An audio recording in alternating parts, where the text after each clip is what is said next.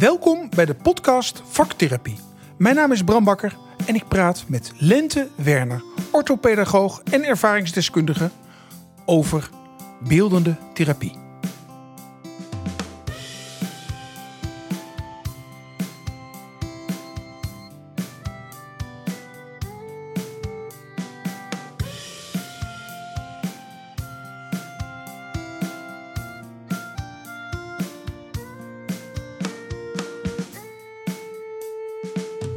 Nou, Lente, welkom. Dankjewel. Um, ik loerde even op jouw LinkedIn-profiel en daar staat orthopedagoog, ervaringsdeskundige. Ja. Nou, um, wat weegt het zwaarst of wat heeft het een met het ander te maken? Vertel het eens. Um, wat weegt het zwaarst? Uh, ervaringsdeskundige. Ja? Ja, ik denk, ik heb, uh, ik was eerst, voor zover er een volgorde in zit, orthopedagoog. En ben daarna pas uh, zelf in therapie gegaan. En uh, nou, daar heb ik veel meer geleerd, als ik eerlijk ben, dan op mijn opleiding. In de zin van uh, dat het allemaal um, ja, vorm krijgt, zeg maar. Van ik had natuurlijk heel veel theorieën geleerd en Mhm.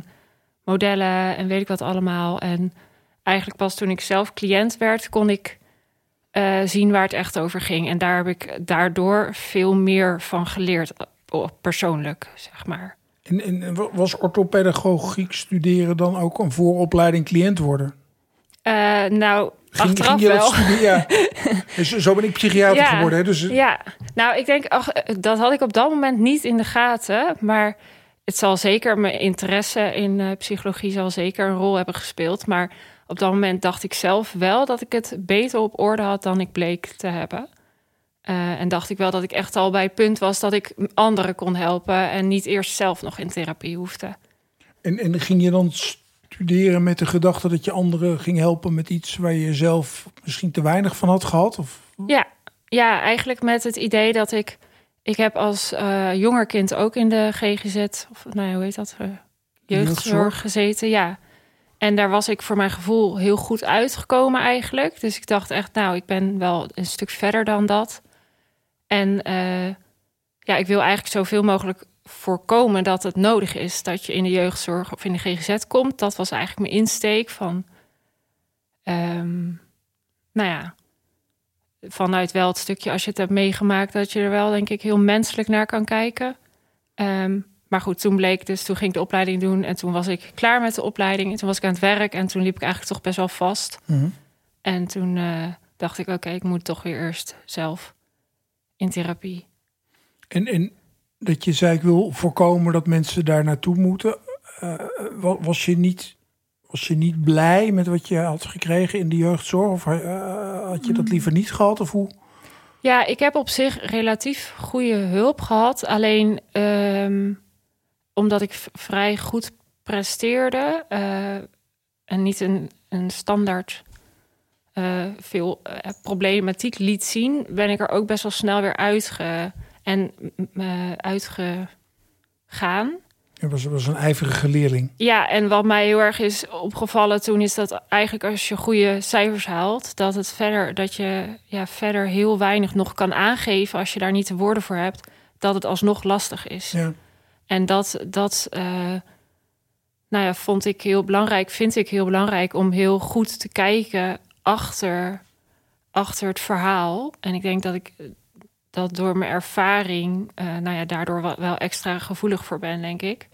In beide kanten op, dat het me ook meer raakt als iemand niet gezien wordt. Maar ook dat ik er meer mijn best voor doe om iemand te zien achter het verhaal. Hm. Dus maar is, Ja. is dan zeg maar dat je, dat je het lesje goed kan opdreunen? Heeft dat iets te maken met, met dit, dat het dan aan de buitenkant lijkt alsof je hersteld bent, ja, terwijl er iets, iets blijft liggen? Ja, in mijn geval was dat wel zo. Van, ik was best wel. Ik, had, ik ging uh, in therapie met de depressieve klachten. En hoe oud was je, als ik vragen mag? Uh, 12. Dus Toen ik in al, therapie al ging. jong somber. Ja, ik was toen al een periode somber natuurlijk. Voordat dat echt uh, nou ja, aan het licht komt. En toen ik in therapie ging, was ik 12. Um, maar eigenlijk heb ik daar dus vooral geleerd om te doen wat er van me verwacht wordt. Uh, en niet meer te laten zien dat ik depressief was. Want dan ja, bleef ik gedoe houden, bleven mensen het lastig vinden. En moest ik therapie en dat vond, doet weer met iedereen om je heen wat. En eigenlijk leerde ik vooral van, nou ja, oké, als ik gewoon mijn mond hou en uh, braaf mijn schoolwerk doe, uh, dat, ik dat, dat iedereen om me heen daar eigenlijk beter op reageert. En dat het dan, ja... klinkt, uh, klinkt vrij vertaald als je leerde je nog aangepaste gedragen. Ja, ja. ja, inderdaad. Ja. Had, je, had je wel dan in die tijd het idee dat je een stoornis had? Nou, in die tijd, toen had ik wel, ik was toen echt best wel suicidaal. Dus ik had wel door dat, dat, dat er iets uh, aan de hand was. Maar ik kon oprecht niet plaatsen of vooral, ik kon echt geen woorden eraan geven. En dan wordt het heel lastig, merkte ik ook in therapie. Ik zat toen, uh, nou ja, gewoon in, in gesprekstherapie. En ja, ik kon heel slecht praten. Uh, ja, ik kon gewoon geen woorden aangeven. En dan loopt het heel erg snel vast. En als je mhm. dan weer gewenst gedrag mhm. laat zien, dan, dan houdt het ook op. Ja. Zeg maar. Ja. Je zou ook kunnen zeggen dat je. we kunnen dit een depressie noemen en een hersenziekte en ja. de pillen instoppen. Maar het klinkt natuurlijk ook als emotioneel geheel geblokkeerd. En dan komen er overwegingen omhoog die natuurlijk pijnlijk en gevaarlijk zijn. Als misschien is het beter als ik er niet meer ben. Ja, ja. En heb je het, heb je het naderhand leren begrijpen vanuit, vanuit de omstandigheden waarin het ontstond, zeg maar? Dus is, is, er, is er achteraf een soort logica in?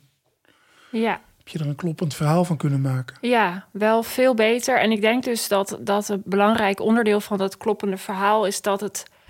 Uh, dat ik erachter kwam dat als je je niet kan verwoorden, dat bijna dat je een hele goede therapeut moet hebben of een andere manier van therapie, wil iemand verder kijken dan uh, wat je verder laat zien. En dat is ook wel wat ik als cliënt later ook tegenkom. Ik ben gekomen in de GGZ dat als je niet, uh, um, nou, bij wijze van spreken met, uh, ja, hoe zeg ik dit, met enorme wallen en, en hele heftige uitspraken daar zit, dat het moeilijk is om over te brengen, dat je alsnog heel slecht voelt. Ehm, als er ook een andere kant is. En ik, heb dat, ik begrijp dat nu wel en ook achteraf waarom het voor me zo, toen zo lastig was. En uh, ik kan dat nu ook beter, gelukkig. Je praat heel goed. Ja. ja. Maar vond je dan jezelf in die tijd iemand die niet goed uit haar woorden kwam? Nee, toen praatte ik echt bijna niet. Dus toen oh. was ook echt anders. Oh. Maar dat was onderdeel van het probleem. Ja, en dan gaan we weer. Is dat een stoornis of is dat een te begrijpen uiting van hetzelfde? ja, ik denk een heel erg te begrijpen uiting, ja. ja. En wat, op die lijn zaten we, wat heeft orthopedagogiek gaan studeren jou geholpen richting wat je nu bent? Volgens mij een stuk evenwichtiger en stabieler dan ja. wat je geweest bent en gelukkig maar. Ja, Ehm, nou, ik denk een deel dus wel van de taal uh, um, en het begrip van hoe.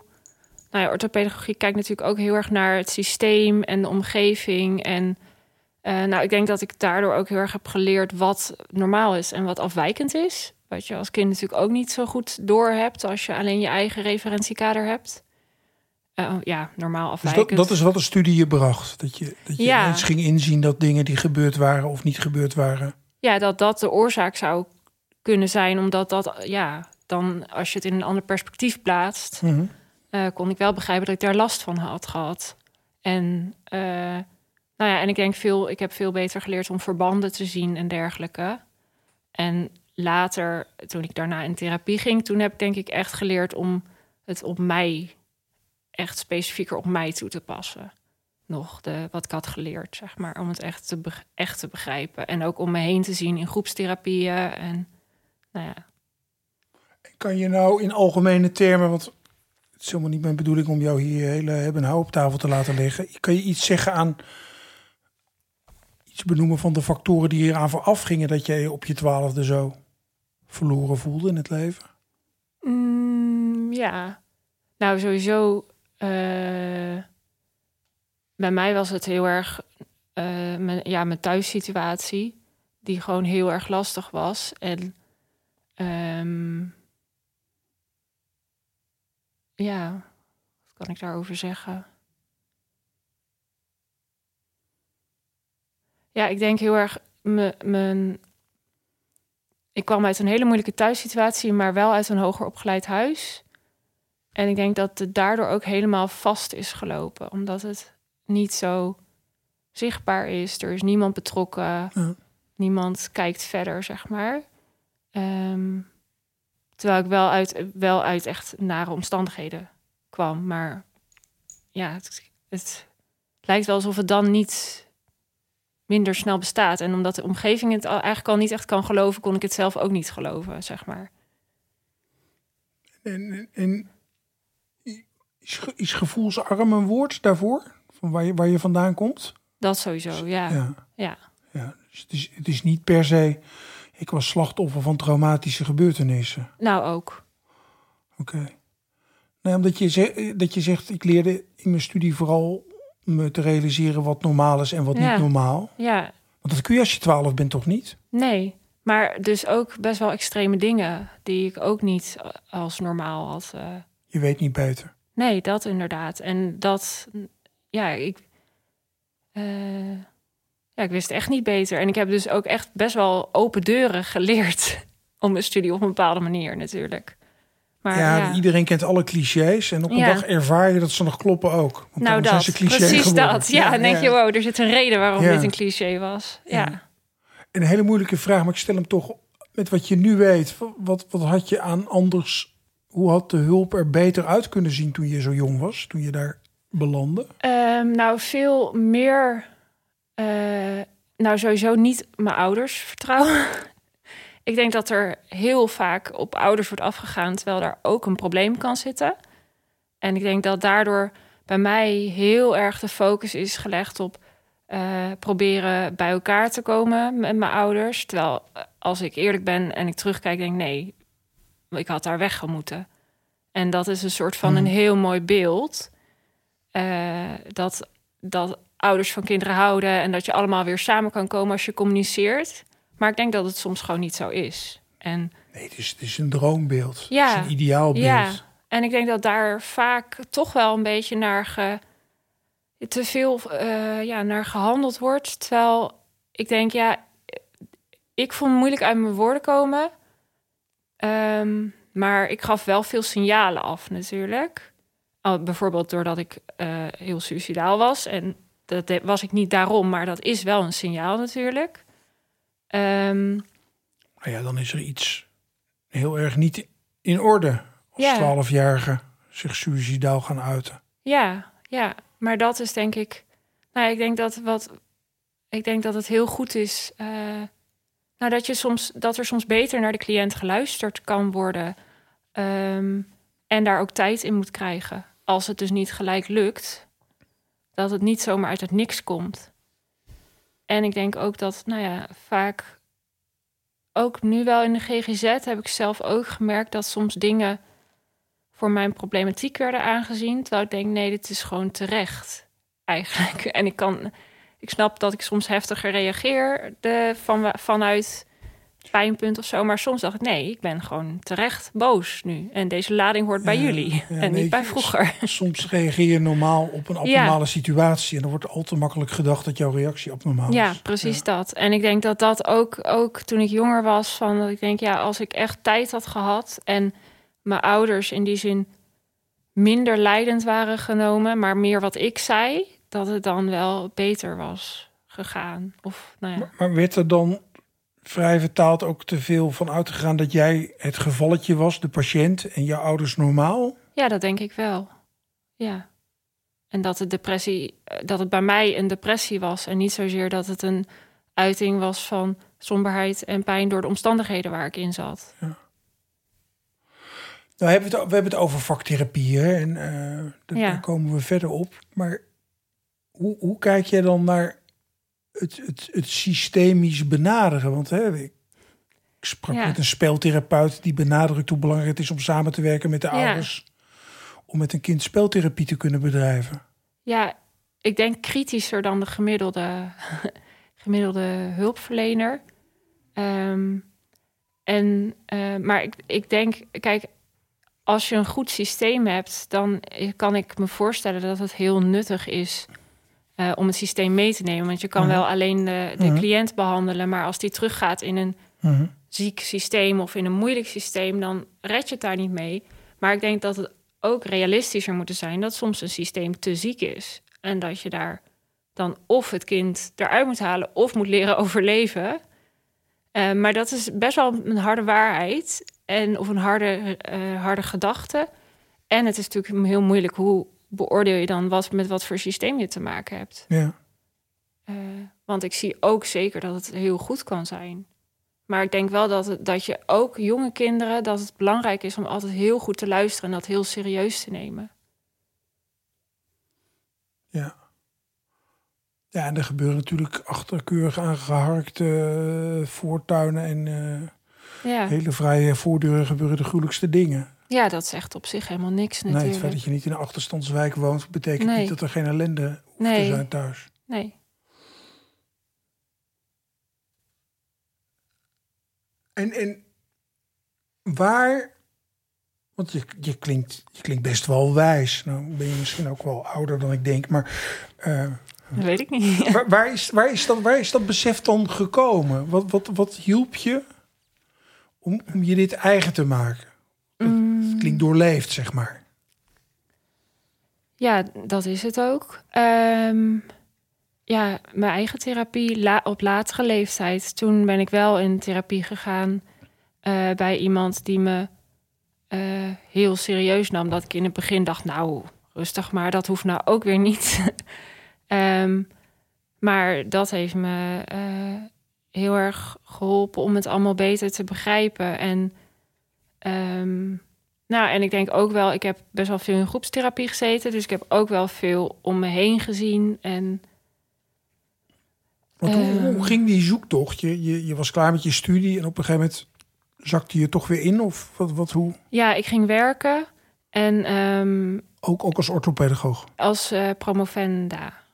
Ja, dat heb ik dus ook niet afgemaakt toen. Maar ik ging eerst werken. Je En ging nog slimmer doen dan je al was. ja, Ja. ik dacht als ik maar het allerslimste doe, dan op een gegeven moment dan ben ik goed genoeg. Ehm, maar toen, ja, er speelde heel veel tegelijkertijd ondertussen. Eh, met mijn thuissituatie nog. En toen eigenlijk, toen ben ik in therapie gegaan. Ik, eh, met het idee om even, de even wat dingetjes te fixen. en toen, eh, ja, Maar het, het, het klinkt alsof je steeds probeerde er met je verstand uit te komen. Ja. Het klinkt ook een beetje alsof je dat van huis uit had meegekregen. Ja. Als, als, je, als je maar je verstand goed gebruikt, dan komt het goed. Ja, nou ja, dat was een soort van de enige manier, denk ik, die ik wel, die wel, die ik wel eh, onder de knie had. Eh, Ja. En dat was me in die zin eerder natuurlijk ook gelukt. Door gewoon, nou ja, door wel helemaal eh, alles weg te maken met me, nou ja, toen nog school en, en cijfers en weet ik wat allemaal. Was het gelukt en het lijkt heel erg adequaat. Dus ik dacht ook wel oprecht dat, het dat ik dat heel adequaat had gedaan. Ehm, en ik dacht van ja, ik moet gewoon mezelf meer uitdagen. En dan. eh,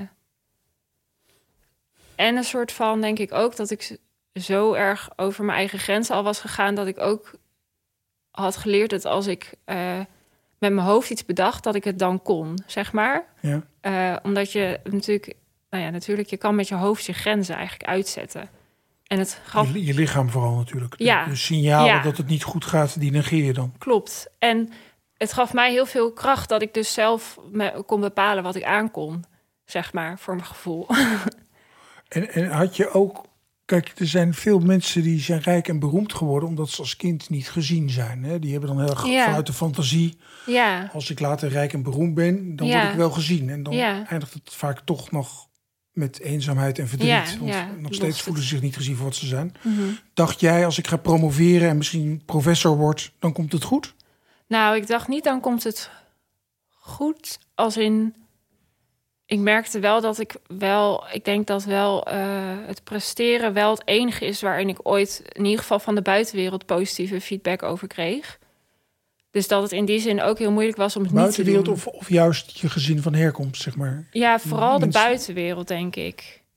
eh, mijn gezin van herkomst ook niet heel erg. Wel, wat, wel als het ergens zat, dan zat het daar, maar ook maar een deel. Maar in ieder geval wel naar buiten, zeg maar, kreeg ik nog uh, kreeg ik, ja, positieve feedback, zeg maar. Met goede cijfers. Ja, en, uh, en ik deed veel, veel vrijwilligerswerk en dat soort dingen. En um, nou ja, dat als ik daarmee zou stoppen, was ook dat weg, zeg maar. Dus het voelde ook niet echt als een keuze of zo. Maar, dus gewoon een soort van pad wat je ingaat, denk ik. Het is, het is je scherpe verstand gebruiken als copingstijl. Ja. Dat, dat is het denk ik toch? Ja. ja. Dus waar ik benieuwd ben, want we gaan toch naar de vaktherapie, is waar, waar kwam jij op het spoor van iemand die je zeg maar uit dat, uit dat hoofd hielp? Hè? Want, ja, want dat was. Ja, dat, is, dat is natuurlijk de, ja. dat was, dat was het. Ja, dat is nog steeds het vaak keerpunt. De uitdaging, ja. Um, nou, waar ik op het spoor kwam is. Uh, nou ja, deels, ik had dus op een gegeven moment een, thera een therapeut die heel goed, uh, dat was wel gewoon praattherapie, zeg maar, die heel goed verder kon kijken. En tegelijkertijd had ik daarnaast beeldende therapie. En die, die therapeut was gewoon via de huisarts? Dat was gewoon... Uh, ja, via de, ja, via de, de studie, studentenpsycholoog ja. en bla bla bla. Ja. En dan word je op een gegeven moment doorverwezen. Um, en er was ook een beeldend therapeut. En um, ik vond als kind altijd alles wat creatief was heel erg leuk. Alleen dat had ik al heel lang niet meer gedaan. Dus ik denk dat het daarom een soort van niet zozeer aansloeg in de zin van dat ik, dat ik er um, echt wel meteen wat mee kon, maar dat ik het wel zag zitten, zeg maar. En ik wist van, oké, okay, ergens diep van binnen heb ik dit ooit leuk gevonden. Dus wie weet kan ik hier weer wat mee, zeg maar. Bijna een soort herkenning op gevoelsniveau. Ja, ja. Dus iets van vroeger. Ja, van dat ik dacht, ja, dit zat soort van ooit in mij en is helemaal weg. Maar dat, dat zat er wel, zeg maar. Dus... En, en die beeldende therapie die krijg je gewoon maar cadeau via je andere hulpverlener. Die zei, we doen een beetje beeldende therapie naast. Uh, ja, dat was ik. ja, dat was een cadeau, ja. Nou nee, het was een, een, uh, een programma waar meer, uh, een deeltijdprogramma waar meer andere dingen ook bij zaten. Maar on, waaronder groepsbeeldend met een groep, zeg maar. Ik deed veel groepstherapieën. En um, ja, dus daar zat het eigenlijk vooral. Maar jij, nou ja, jij bent ervaringsdeskundige, hè? maar weet jij hoeveel jonge mensen in dit soort omstandigheden in aanraking komen met beeldende therapie? Uh, ik denk heel weinig. Want mijn ervaring is dat het eigenlijk bijna alleen als je echt een, uh, een vastgelegd groepsprogramma volgt, is dat het er dan bij zit. Ja, dan moet je al een hoge zorgzwaarte hebben. Dus ja. dat is niet uh, nee, dat, en dat, lichte depressie eenmalig. Dat is recidiverend, nee. ja. matig tot ernstig. Ja, dan zit je wel echt al in de, in de... Nou, dan zit je echt al wel in een programma waar je niet zomaar in zit, zeg maar. Ja. En, um, en ook dan is het alleen vaak in groepen natuurlijk. Wat ook nog... Nou ja, zeker kleinere praktijken. Waarom, ja. waarom is het vooral in groepen? Um, nou, deels denk ik, deels heeft het ook echt waarde in, in groepstherapie. En deels is het ook efficiënt natuurlijk. Je kan niet iedereen van het programma hetzelfde bieden individueel. Maar ik denk allebei, want het heeft ook wel echt waarde. Zeker als je in die groep ook andere therapieën doet. En ja. nou ja, dan doe je het wel veel meer samen natuurlijk. En je, opnames heb je niet gehad? Ja, ook. Ook nog. En ja. was dit dan achter de opname aan? Of was dit zeg maar het intensiveren van één keer in de week een gesprek? Hoe? Nee, dit was uh, deels tijdens de opname en deels achteraan. Want daar zit voor mijn gevoel ook een probleem... dat veel beeldende therapie verstopt zit in instellingen. Ja. Dus dan krijg je het omdat je toevallig bij een instelling bent ja. die het heeft. Ja, dat was bij mij ook zo. Ja. ja dat is het inderdaad ook. Maar dat moet anders, vinden wij toch? Ja, sowieso. Daarom zitten we hier Ja, ook. precies. Want heb je nu nog ambulante beeldende therapie? Ja. En gewoon één op één? Ja. Ja, en dat is dus echt een wonder. Ja, mooi. Ja. ja ik, word, ik voel, voel, me gelijk blij worden. Ja. Ja, daar heb je geluk mee. Ja, en dat weet ik ook. Dus Ja. nou ja, en ik zie het ook van... eh, nou ja, de mensen waar ik nu zit, die hebben het. Maar verder hoor je het nooit. Behalve inderdaad echt in grotere instellingen, in groepen. Is, is dit ook wat, wat jij met je ervaringsdeskundigheid onder de aandacht wil brengen? Of ben je gewoon ervaringsdeskundig voor iedereen die ook somber is en, en nog niet al te oud? Ehm, nou, er zijn meerdere dingen, denk ik, die je onder aandacht wil brengen. Maar ik denk dat de, de basis heel erg is, is dat ik uh, probeer om het, de visie van de cliënt te verwoorden bij plekken waar de cliënt normaal niet komt, zeg maar. En uh, nou ja, een onderdeel daarvan. Um, Cliëntenraad? Ja, bijvoorbeeld. Ja. Via de cliëntenraad, maar inderdaad, uh, nou ja, alles wat ik daarin kan doen, probeer ik eigenlijk. Um, ook omdat mijn ervaring is dat je, uh, nou ja, als SEC als cliënt niet zo, uh, niet zoveel in individuele gesprekken word je gehoord, maar niet op systeemniveau, zeg maar, of op beleidsniveau. Um, maar goed, dus onder andere waarom ik uh, hier ben, is omdat ik dus vond dat, uh, um, nou ja, dat inderdaad vaktherapie en dan mijn ervaring is vooral met beeldentherapie, ja. dat dat gewoon veel meer gewaardeerd moet worden en ook wat, daar, wat je daar kan leren en wat je daarin kan doen. Um, ja. Maar het is misschien ook uh, het waarderen van de non-verbale benadering. Ja, Want juist. Hey, je zegt heel helder, ik was toen ik twaalf was niet zo heel goed in staat ja. om woorden te geven aan ja. wat ik voelde. Nou, ik denk echt als ik toen beeldentherapie had gehad of, of PMT, dat ik veel, dat we veel meer, dat ik veel meer had kunnen laten zien hoe vast ik liep van binnen, zeg maar. Ja. Ja, en denk je niet ook dat de woorden er woorden aan kunnen geven, volgt op het goed kunnen voelen? Ja, dat denk ik wel, ja. En er betekenis aan kunnen geven. En uh, dat, dat moet je leren ook. Want ik denk bij veel uh, mensen, als je, als je in de GGZ zit, is juist dat zijn dingen die ook moeilijk zijn. En die je minder goed hebt geleerd of mm het is overweldigend. En eigenlijk is dat vervolgens iets wat je wat in praattherapie van je gevraagd wordt als basis om überhaupt duidelijk te kunnen maken wat je ervaart. Ja. En dan denk ik, nou ja, ook wel natuurlijk, dit is ook wel steeds meer aandacht voor überhaupt dat uh, hoeveel er in je lichaam opgeslagen wordt aan stress en aan, uh, nou ja, van hoe erg die connectie is. Ja, natuurlijk. De body keeps the score. Ja, dat, dat inderdaad. Ja. Nou, dan denk ik, ja, er wordt relatief heel weinig nog met de body gedaan. Um, en ik denk dat het heel heel goed is om daar veel meer aandacht voor te hebben. Want het is echt een andere ingang. En een hele waardevolle ingang. En uh, ja, ook veel meer, ja, veel voelbaarder, denk ik. Veel meer op gevoelsniveau dan op ratio. Oké, okay, dan doen we. Nou, je bent nog een paar jaar ouder en nog steeds heel slim, dus je bent de GGZ-bestuurder geworden. Hoe wordt dan de gedroomde aanpak van Lente die zich meldt met: ik weet niet meer hoe ik verder moet leven? Goeie. Um, mag ik alles?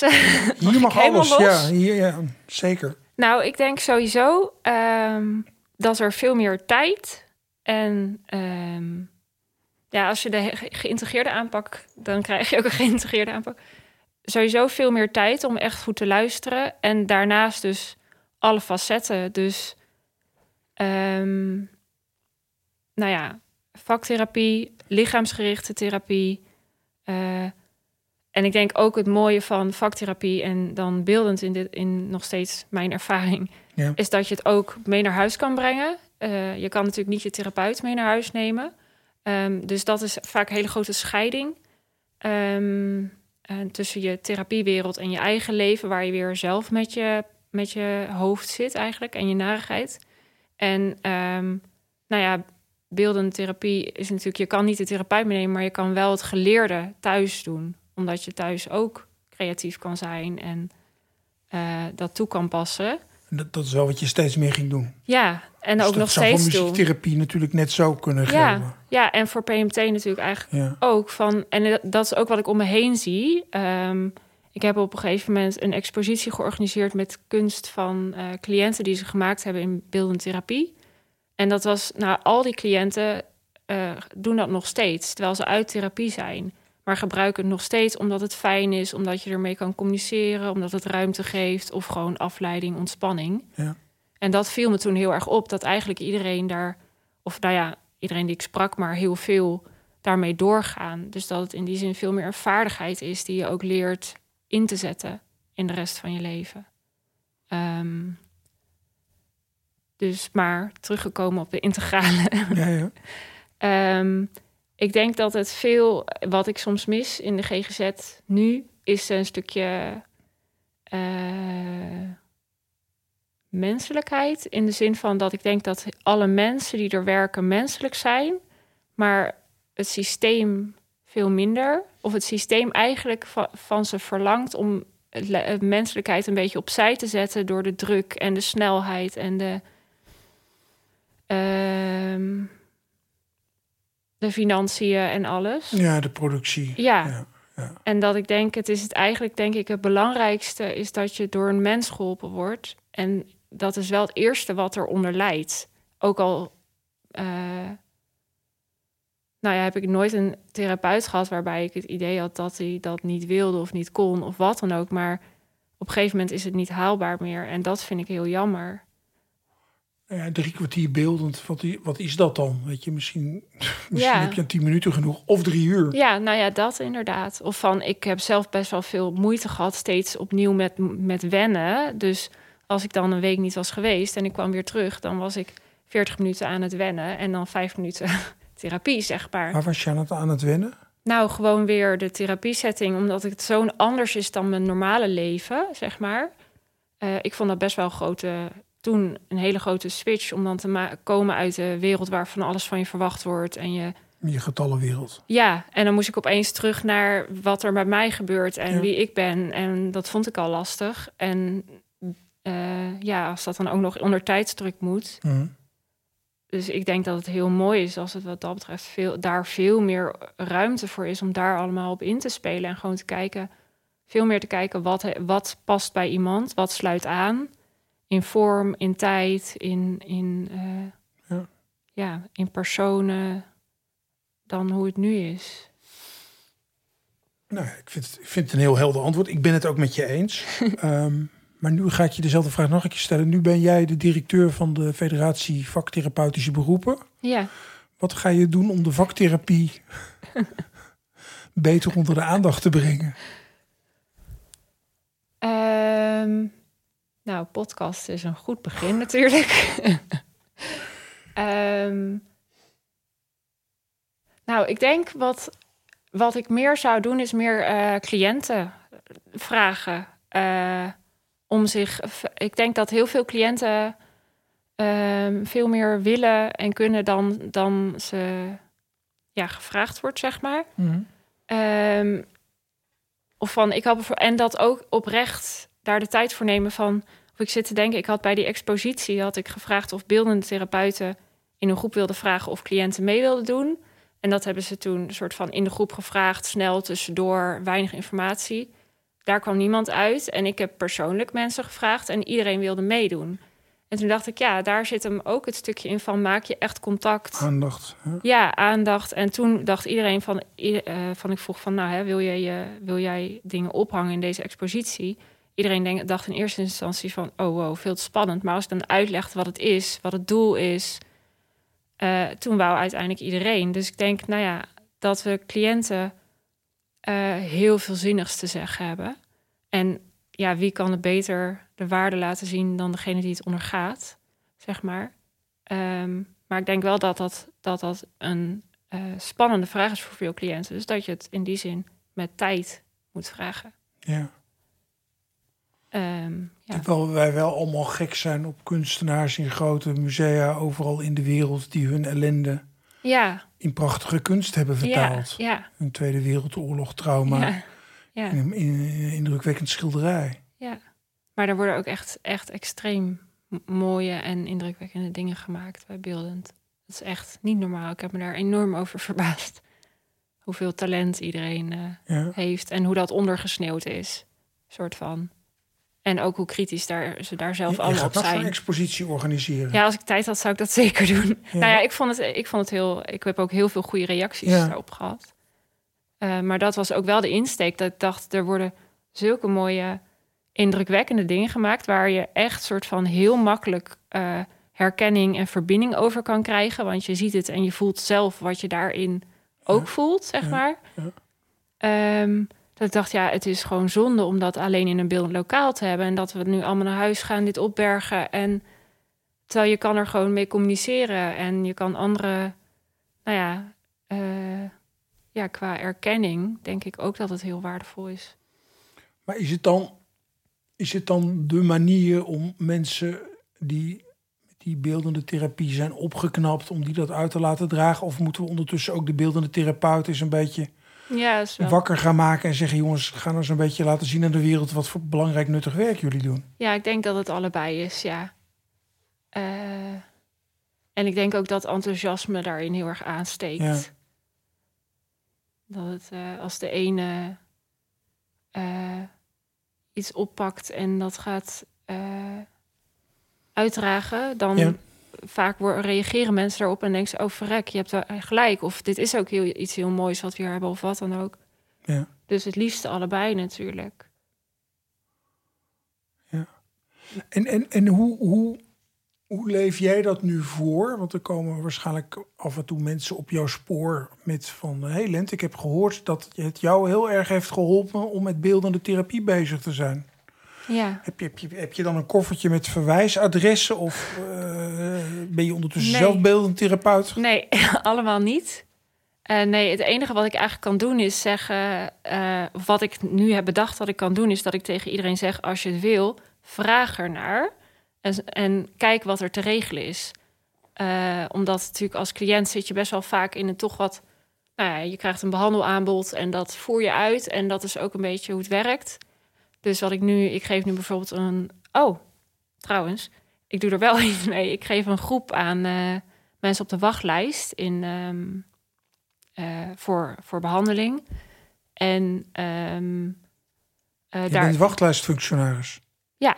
Nou ja, ik, heb een, ik dacht, ik dacht nou ja, er staan natuurlijk gewoon heel veel mensen op de wachtlijst.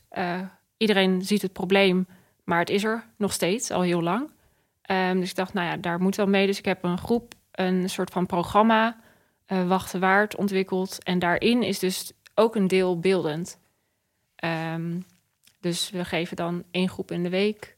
En dan de ochtend is praten en de middag is beeldend. Dus op die manier. En doe je met meer mensen? Met, ja, er zijn uh, twee andere ervaringsdeskundigen nu. We hebben nu een. Ja, het is nu echt startend. Dus we hebben nu maar één groep die we draaien. Maar ik heb grootse plannen natuurlijk. Hetwachtenwaard.nl. Ja, of in ieder geval Google. De site ga ik nog maken. Maar in ieder geval Google doet het tot die tijd. Uh, maar daar zit dus ook beeldend in. En um, nou, daar zie je ook. En daar zie je ook. Uh, nou, sowieso ten eerste dat bijna niemand het kent, inderdaad. Uh, maar wel dat iedereen het heel fijn vindt.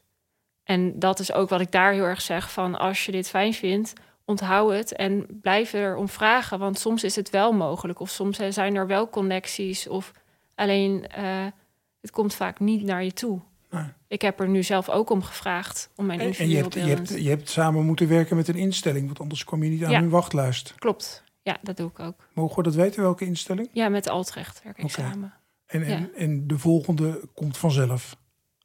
Uh, hoe bedoel je? De nou, je? Je zou dit ook andere GGZ-instellingen ja. kunnen doen. Nou ja, dat sowieso. Ja, van uh, ik ben, nou ja, sowieso is natuurlijk Altrecht groot, dus daar is nog wel. Maar ja voor mij denk ik, ja, het maakt niet uit of de cliënt, waar de cliënt op de wachtlijst staat. De lijden is even groot. Dus, En uh, nou ja, we zien wel dat het echt wat doet. Het enige is natuurlijk wat altijd het probleem is, uh, is financiering. Dus daar zijn we nu. Ja, dat is natuurlijk de volgende vraag. Krijg, krijg je er netjes voor betaald? Um, nou, de, de ervaringsdeskundigen krijgen er netjes voor betaald, maar uh, Altrecht niet. Dus die moet dat zelf investeren voor een groep die, nou ja, officieel nog niet onder hun valt. En ik heb nu het geluk dat ik samenwerk met mensen die dat, uh, nou ja, die, die verantwoordelijkheid ja. pakken en ook het belang zien en ook het voordeel zien. Maar uiteindelijk hoop ik wel dat ik er financiering voor kan vinden op lange termijn. Uh, want anders is het natuurlijk heel moeilijk om zoiets in leven te houden. Terwijl het wel echt, ja, sommige mensen in onze groep staan al bijna twee jaar op de wachtlijst dan is het wel het minste wat je kan doen natuurlijk. Je, zou er ook wel je werk van willen maken. Ja, zeker. Ik doe het nu één dag in de week, maar het is, het is, uh, um, ja, het is echt het stukje financiering. En ik vind zelf dat zorgverzekeringen daar een rol in hebben, omdat zij ook de voordelen hebben. Namelijk dat mensen minder ver wegzakken. En dat, nou ja, het is natuurlijk toch al een soort ondersteuning. Een soort pre-voorbereiding. Ehm, ik denk, ja, uiteindelijk gaat dat zich uitbetalen in minder zorgkosten op andere gebieden, kortere behandelingen. En plus de mensen op de wachtlijst hebben een indicatie voor zorg. Ze ja. hebben dit nodig. Alleen het is er niet. Maar dat betekent niet dat, het, dat we ze zo kunnen laten, zeg maar. Ja. En dat iets heel bizars. Het, is natuurlijk, er zit een rare, maffe paradox dat je dan in de wachtlijst voor een, ja. voor een behandeling die vrij cognitief, verbaal ja. Uh, op het hoofd is gericht, de beeldende therapie krijgt die je eigenlijk overal in die instelling zou willen hebben. Ja, klopt. Dus het is in die zin, nou ja, een deel van de mensen staat wel op de wachtlijst voor ook weer een soort van groep waar ze wel beeld kunnen krijgen, maar een deel ook niet. Uh, eh, PMT is er wel vaak, dus nou ja, dat geven we dan niet, maar zeggen wel wat het is. En nou ja, vraag om waar je nodig hebt. Uh, dat is het enige wat ik voor mijn gevoel dan kan doen, soort van. Uh, en nu wel zoveel mogelijk al meegeven en kennis maken en denk ik, ja, het is in die zin is het fijne dat, dat je het thuis kan doen. En hoop ik gewoon heel erg dat er op een gegeven moment, als je verder in de behandeling zijn en het gaat beter, of, of al eerder, dat ze denken, wacht eens even, hier heb ik toen wat mee gedaan. Dat hielp eigenlijk heel erg. Dat, dat zou natuurlijk het mooiste zijn. Ja. Misschien kun je alsnog promoveren. Ja. Ik zou alleen niet meer fulltime aan het werk willen ben er wel achter gekomen door therapie dat werk leuk is, uh, maar dat het ook leuk moet blijven. En, en dat is niet 40 of 60 uur in de week voor jou? Nee, voor mij niet, nee. Nee. Wel, wel uh, omdat ik ook dit soort dingen wil kunnen doen. Ja. Dat vooral eigenlijk. En dat vind ik, dat vind ik te leuk. En dan denk ik, ja, stel nou dat ik nu had gezegd... nee, ik kan niet, ik zit op mijn werk. Dan denk ik, ja, dat is jammer. Ja. Ik ken een leuke vrouw en die ging een boek schrijven, had ze bedacht. En dat had ze als werktitel gegeven. Het ging heel slecht met me, maar toch ben ik geen coach geworden.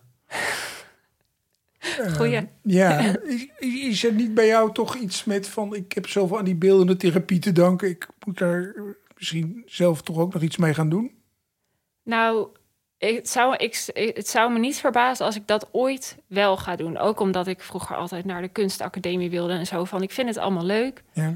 Ehm, maar ik vind nu zeg maar te veel uh, dingen in de GGZ waar, waar ik een soort van het gevoel van heb dat cliënten niet goed genoeg meegenomen worden. Dat ik nu niet rustig op individueel niveau, zeg maar, volledig therapie zou kunnen geven.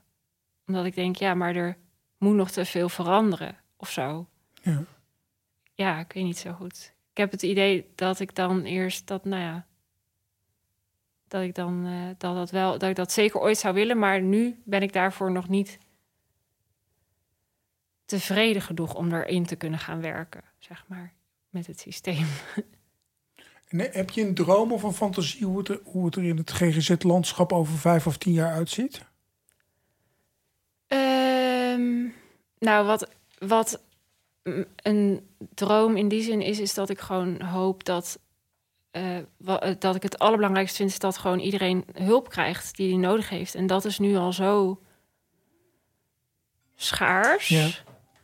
Dat het, uh, nou ja, dat ik denk dat zou al een. En dat is eigenlijk natuurlijk het minimale wat je wil. Maar in het geval van de GGZ is het een droom, wat mij betreft. Dat iedereen de hulp krijgt die hij nodig heeft binnen een tijd, uh, een paar weken. Als je zegt, ik heb hulp nodig, die stap is enorm groot dat is dus niet als het nog even kan wachten. Nee. Dus dat zou mijn droom zijn. En dat het heel erg, ja, nou ja, misschien ook wel het stukje. Ehm, wat ik soms ook wel moeilijk vind, is dat, dat, het, dat, je het, dat ik ook het gevoel heb gehad als cliënt dat je iets minder volwaardig mens bent. Mhm. En dat ik daar ook wel in zie van dat ik denk, nou, er is meer om te waarderen aan cliënten. En dat mag soms ook wel duidelijk worden. Maar is, is dat ook nog een ding wat je in die vaktherapie anders hebt beleefd? Dat je als mens meer gezien nou, hebt gevoeld? Of meer? Het is natuurlijk heel erg gericht op wel iets op soort van je talenten. Of het, het, het spreekt iets in je aan wat. Uh, um, nou heel positief is. Vaak eh, ook wat ik om me heen zie van iedereen vindt het ook vaak fijn, ofwel PMT, ofwel creatief. Dus sommige, kijk, er zijn natuurlijk altijd mensen die het niet licht, uh, maar dat heb je met alles. Ja. Um, maar ik denk dat het op een bepaalde manier veel meer beroep doet op wat je kan en wat je leuk vindt en waar je mee verder wil, of waar je mee verder kan, of um, positieve dingen, terwijl het je handvatten geeft om daarmee negatieve dingen aan te pakken of te verwerken. En terwijl als je praat over negatieve dingen, is het alleen maar negatief eigenlijk. Ja. En dat is soms ook wat het is. Dat is ook goed. En dat is zeker daarnaast ook belangrijk. Maar ik vind het een hele mooie aanvulling om via iets positiefs iets negatiefs te kunnen verwerken eigenlijk. Of aan te raken of wat dan ook. Ja. En ben jij nu gediplomeerd ervaringsdeskundige? Ja, omdat ik uh, orthopedagoog ben, heb ik een aanvullende cursus erbij gedaan. Oh, ja, over hoe ik mijn ervaring dan kan inzetten, inderdaad. Ja, ja. En wil je dan ook nog je ervaringsdeskundigheid? Want ik ben het eens, iedereen die hulp nodig heeft, moet hulp krijgen. Dat is het eerste. Maar is het ook nog een doel dat in die hulp, die, die vaktherapie, een geïntegreerd onderdeel is? Dat iedereen ja. als vanzelfsprekend... Ja, sowieso. Uh, ja, dat, dat is nou, misschien zo vanzelfsprekend ja, nee, in mijn hoofd. Nee, ik, ik, dacht wel dat jij dat vindt. Goeie, maar, ja. Uh, nee, sowieso. Want ik, ja, ik heb best wel geluk gehad dat het op dat ik ook groot ook bij instellingen heb gezeten waar het was. Maar en daarom is het misschien in mijn hoofd ook wat minder aan de orde dat het er niet is. Um, maar ik vind dat dat, dat dat overal eigenlijk beschikbaar zou moeten kunnen zijn. Ook bij praktijken met middels samenwerking of weet ik veel wat. En ook dat het in die zin haalbaar moet zijn voor de cliënt om dat te regelen. Want dat is nu natuurlijk ook, je hebt wel individueel praktijken met vaktherapie, maar dan moet je daarheen voor dat en daarheen voor dat, zeg maar. Het is als, soms best wel, best wel onoverzichtelijk best wel overweldigend. Nou ja, ik heb het idee dat je nu heel vaak diep in een instelling moet belanden. Op een opnameafdeling of een intensieve dagbehandeling. Om ermee in aanraking te dat komen. Is zo. Terwijl de andere aanvliegroute, zeg maar vanaf de huisarts al naar een beeldend therapeut. Ja, die, die bestaat volgens mij nou, nauwelijks. Nou, toch niet? Nee, ik heb er nog nooit gehoord. En dat is jammer. En ik denk ook binnen uh, psychologie, uh, als je wordt doorverwezen naar een psycholoog, dat het ook veel vaker moet zijn van en we raden je aan dit te doen. Ook als ze niet aanbieden van, maar ja. leg een samenwerking, zodat je kan zeggen, goh, ik ken deze. Want ik denk dat heel veel er heel veel aan kunnen hebben. Het is ook wat ik zie. Eigenlijk alleen maar, ja. Ik heb weinig uh, mensen tegengekomen die echt aan geen enkele vaktherapie iets hebben. En met weinig bedoel ik eigenlijk geen. Nou, het is helder. Ja, begrijp wat je beweegt. Ja. Dapper, ook. ja. Ik hoop dat het iets helpt. Nou, het begint bij een podcast, zeiden we net al. Ja, klopt. Ja, maar de directeur van de Vereniging... Federatie Vaktherapeutische Beroepen heeft toch een lange weg te gaan. Ja, ja. ja. sorry daarvoor. maar we helpen er. Dankjewel. Ja, inderdaad. Graag gedaan.